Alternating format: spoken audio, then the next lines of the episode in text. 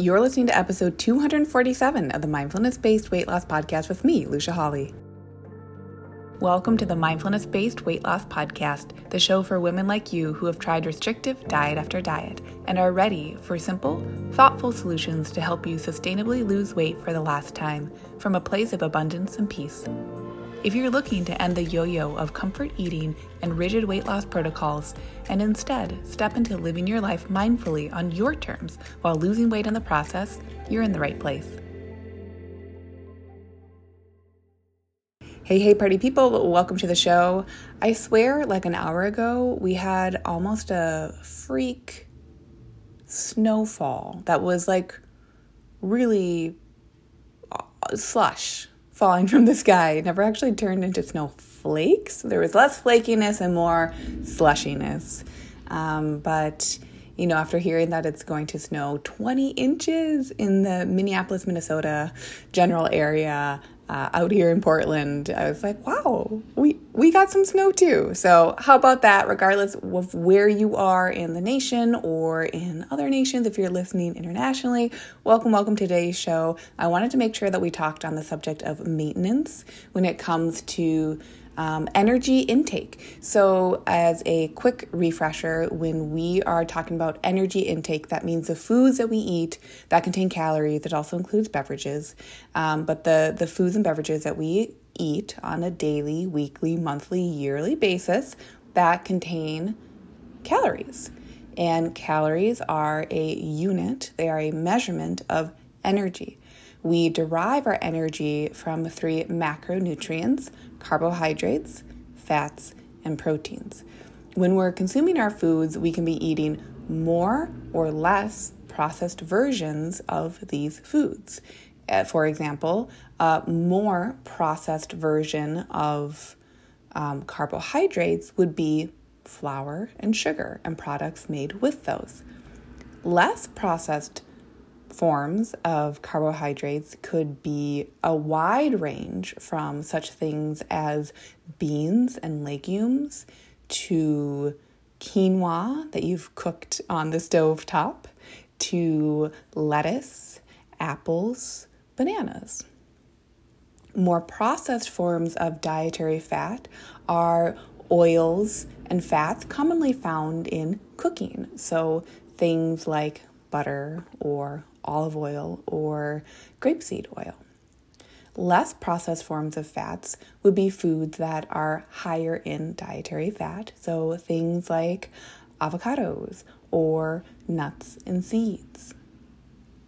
And then lastly, we have protein, and more unprocessed forms of protein would be things like eggs. The egg whites are a source of protein, um, animal meat, so things like chicken breast, beef, duck. And then more processed forms of protein tend to be things like protein powders. So we have all these different macronutrients and all these different forms of macronutrients. But at the end of the day, all the macronutrients are used as energy. So they all fit under the umbrella of having calories. Now, when you are talking about losing weight or gaining weight, I find a lot of people kind of forget about maintaining weight.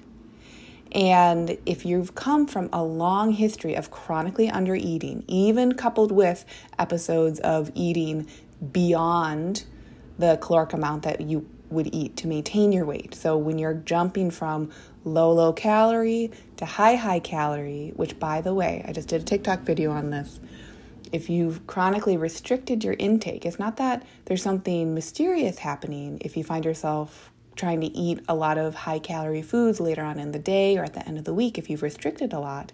There's nothing nefarious happening there. It's truly just, for a lot of us, a compensatory mechanism that is physiological because our bodies are really smart.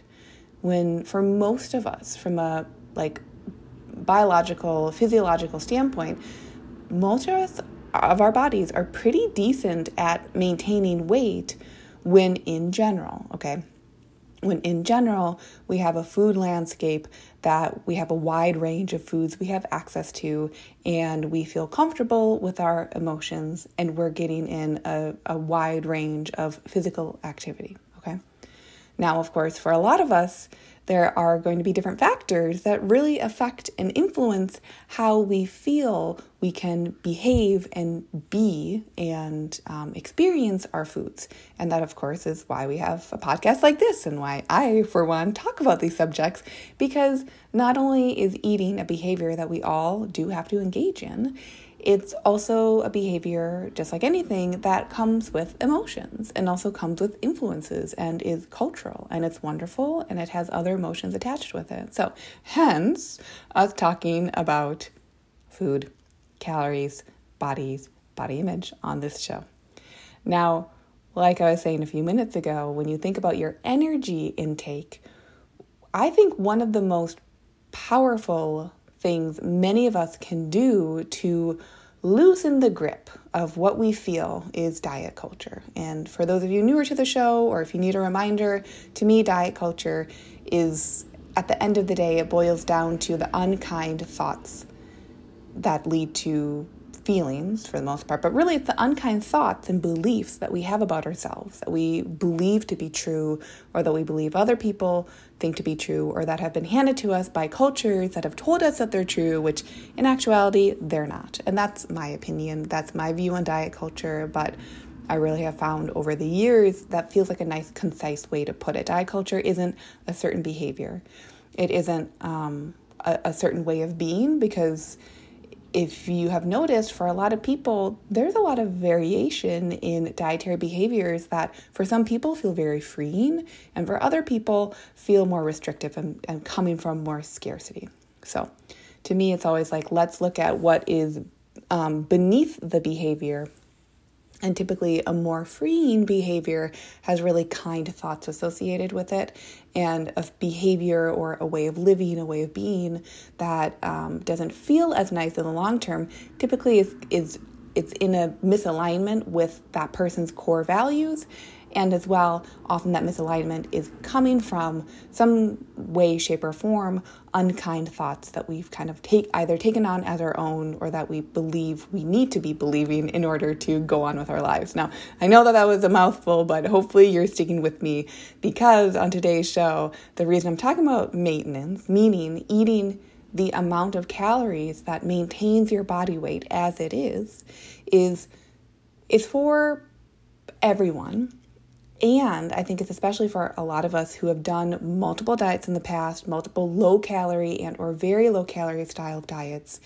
um, who maybe have, because of eating very low calorie for a long time, maybe you in the past have lost weight, but you've also, if you haven't been prioritizing strength training or maintaining, if not, well, retaining, if not attaining more muscle mass with strength training and resistance training, then potentially what I the hole that I see a lot of women get dug into is feeling pressure to diet, doing a diet, doing a diet where there's not the appropriate balance of the macronutrients that I mentioned, and there's no conversation about um, muscle mass. And when we're losing weight and we're not trying to incorporate behaviors that help us keep our muscle mass, which is strength training in essence, then when we're eating low calorie, our bodies our bodies do and don't care, okay? So I try to be pretty nuanced in how I speak on this show, but unless you're asking your body, hey, I want to keep my muscle mass, and the way we ask is through the behavior of strength training, then our bodies will also lose muscle mass when we're eating very low calories. So we're losing body fat and muscle mass. So if you then repeat diet on top of diet over the years, a area that a lot of people and especially women can end up in is feeling quote unquote. I'm not saying this is tr- like I'm just going to use the word because a, a lot of people use the word is feeling skinny fat. Where you feel like, man, I don't think I could eat any low any lower in calories over the long term, but I feel like that's the only way I can lose weight. If you feel backed into a caloric um, corner, caloric corner, then this might be your sign that it's time to eat at maintenance calories while making sure that you are signaling to your body to grow, maintain, and hold on to muscle mass. That comes from eating in a balance of the macronutrients, which for many women does mean prioritizing protein more often than not. There's no need to eat an obscene amount of protein, but I find time and time again of the three macronutrients, listen, dietary fat, dietary carbohydrates, especially when they're coupled together in combination, they're super palatable. So, a lot of super yummy foods, a lot of super tasty foods tend to be higher in fat, higher in carbohydrates in one or the other, or in combination, and tend to be either moderate, if not low, if not really having no protein. That's neither here nor there, but because of our food landscape, I find there does it is helpful to be more aware of protein intake because the fats and the carbs tend to kind of take care of themselves once we're aware of how many calories do I need to eat to maintain my body composition and now the reason plus maintaining or plus being aware of protein. So I needed to finish I was getting excited here. I need to finish that sentence. So Fats and carbohydrates tend to take care of themselves for the most part when we are aware of the total amount of energy, which are the calories. We use that interchangeably here. Aware of the total amount of energy that you're taking in and aware of the total amount of protein that you're taking in. So, the reason that maintenance can be so magical is because a lot of people push, push, push to undereat. And your metabolism and your muscle mass is gonna not be as responsive as it would be if you were to be eating in maintenance in a balance of macronutrients while beginning and or continuing strength training because our muscles are not going to grow to the extent that most of us if we most people who say oh there's a certain body type i want that certain body type more times than not is actually the body composition is higher in muscle than I think most women realize. When there's a certain body type that you imagine for yourself or you see on someone else and you're like, I wish I looked that way. More times than not, that person has worked to put muscle on their bodies. And now, muscle, and I need to do an entire episode on this. I always say this on the show. I'm like, oh, I should do this episode, that episode. But I should do an episode on the magic of muscle because muscle is hormonally responsive. So there's actually benefit, physiological benefit when it comes to hunger, appetite, insulin sensitivity, so many different um, body systems that muscle factors into. So uh, maybe I'll do a whole episode on that because that might be a nice resource for you. Let me know. Let me know. Shoot me a note if that would be helpful. If you'd like me to make an episode about muscle, and I will make a note to do so. But the reason the maintenance amount of calorie intake can be so healing is that it can, for the first time in your life, give you a balanced amount of calories day to day. Because here's the thing that I've noticed when people have a bad taste in their mouth about calorie tracking or um, really kind of like writing down what foods am I eating, right? Like what what what's actually going on with the things that I'm putting in my mouth. People who tend to have a bad taste in their mouth about tracking typically have been tracking while dieting, which means they've been tracking while really intensely restricting the amount of food that they're going to eat. That's like saying, I don't like checking my bank account because the only times in the past you've checked your bank account is when you've been on a really strict and intense budget that, of course, isn't actually giving you the lifestyle in the long run that you want because you're trying to game the system. It's a very similar thing that happens with our calories. So I really find it can be healing for people to say, no, you know what? I want caloric awareness. I want macronutrient awareness. And I'm going to couple that with eating enough food. Here's a cool thing that can happen for a lot of us when we're eating either closer to maintenance or actually in true maintenance is that when you couple that, like I've said, with enough protein, you're, you're hitting enough total amount of energy intake, so total amount of calories coming in, and you're then using strength training in a way that you're progressing over time how much weight you're lifting. So you're literally getting stronger. That is how your body composition actually changes.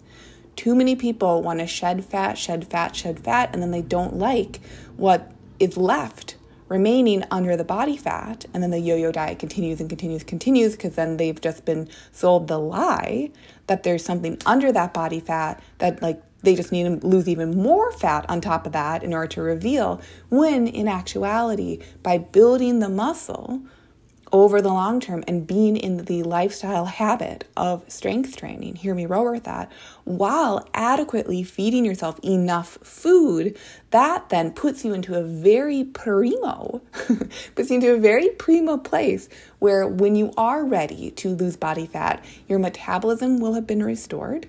That means your metabolic rate is working again because you're now feeding your body enough food of enough macronutrients over enough time that you will have gained muscle so that when you do lose body fat, there is a body composition under the layer of fat that is you're shrinking. That's what hap- is happening with fat loss is that we have this layer of fat and we're shrinking it as we're losing it because you're maintaining that muscle that you've built, there's now a body composition under there that I would say most of the time, most women are thinking that they want, which is fabulous. Let's have 2023 be the year where we all feel great about having a body composition goal. The body composition goal can be neutral, just like every food we eat can be neutral, every meal we eat can be neutral. But if you're sitting there, and you're spinning your wheels year after year being like I've I've I know how to restrict my food, I know how to overeat, then that's where I'm coming in with today's show saying like have you practiced maintaining? Because stuff is happening at maintenance even though the term that most people use is maintaining, right? Which I think in our minds it's just kind of feels very blah and plain. Like, well, I don't want to maintain. Like, God damn it, I want to see the skill number go down, or I want to feel, you know, I want to fit into this outfit or that outfit, whatever goals we might have. A lot is happening physiologically when we are in caloric maintenance, especially when you're coming from chronic undereating. And if you're coming from chronic undereating plus then chronic overeating, that is it be, um, that is the compensation that your body is sending you from that physiological standpoint, like I mentioned in the beginning of the episode. So when you undereat, undereat, undereat, overeat, overeat, overeat, that can be occurring at any body shape or size. Someone could be underweight and that's happening, and someone could be overweight and that's happening, and someone could be within a range that is fairly healthful and that is happening, right? That's, I think, a big part of a lot of dialogue online is saying like you can't know how someone is behaving around food in its intricacies just by their body shape and size. So, have you considered maintaining and eating? And here, this is why I always say eating enough food because most people, their maintenance calories really blows them away how much food that is. And it's really easy and straightforward to understand how much food that actually is if you're open to writing your foods down. If you're open to jotting down, yeah, how many calories are in that food? Yeah, how many um, grams of carbohydrates, fats, proteins are in those foods? These are all powerful tools. And I know a lot of people really and for good reason, a lot of people push to say like you don't you don't need to know this information. Yeah, no one needs to know it at all. But I just want to honor that, like, these tools can be beautiful gifts if we allow them to be that way. And the way that we allow them to be that way is to, again, like I said in the beginning of the episode, really hone in on not even having to, like, never having to fix or perfect or change our thoughts, but just simply being aware and stepping into a place of understanding in general how am I thinking? About myself in relationship to calories? How does that affect how I show up to feeding myself? How does feeding myself move me towards a goal, whether I've stated it or not, that I have in my head about myself? Because let me tell you, a lot of people have unspoken goals for themselves, and that's a lot of pressure of diet culture, is that there's some sort of unspoken expectation, or it could be very spoken, but often there are unspoken, unspoken expectations about how we should or shouldn't be. And all that expectation is, is a thought. So by identifying the thought without even having to change it ever, but just I the identification of the thought is very clarifying. And when we know more, for the most part, we tend to then be able to move into more alignment with what it is we actually value. How we actually value feeding ourselves, how we actually value um, showing up in our one beautiful life, because that's what we have. And I think that makes it very um, potent and very sweet. This consideration. You know, at the end of the day, why do we talk about calories and protein and our thoughts and our feelings? It's not even to come into a good feeling, but I think it helps us. Like at, at the end of the day, that's what we get to be in in more time, with more time, is that good feeling when you feel really in charge of understanding this is how I nourish myself, when you feel really in charge of showing up to physical movement, when you feel really in charge of hydrating yourself, of brushing your teeth, you know what I mean? Like these behaviors, they're all in support of you living a wonderful life. And a wonderful life isn't created by certain thoughts. A wonderful life is is exactly what it is. It's a wonderful life. And we show up to it in the present moment with awareness.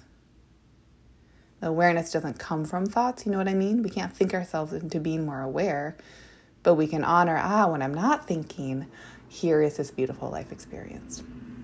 So that's the magic of maintenance.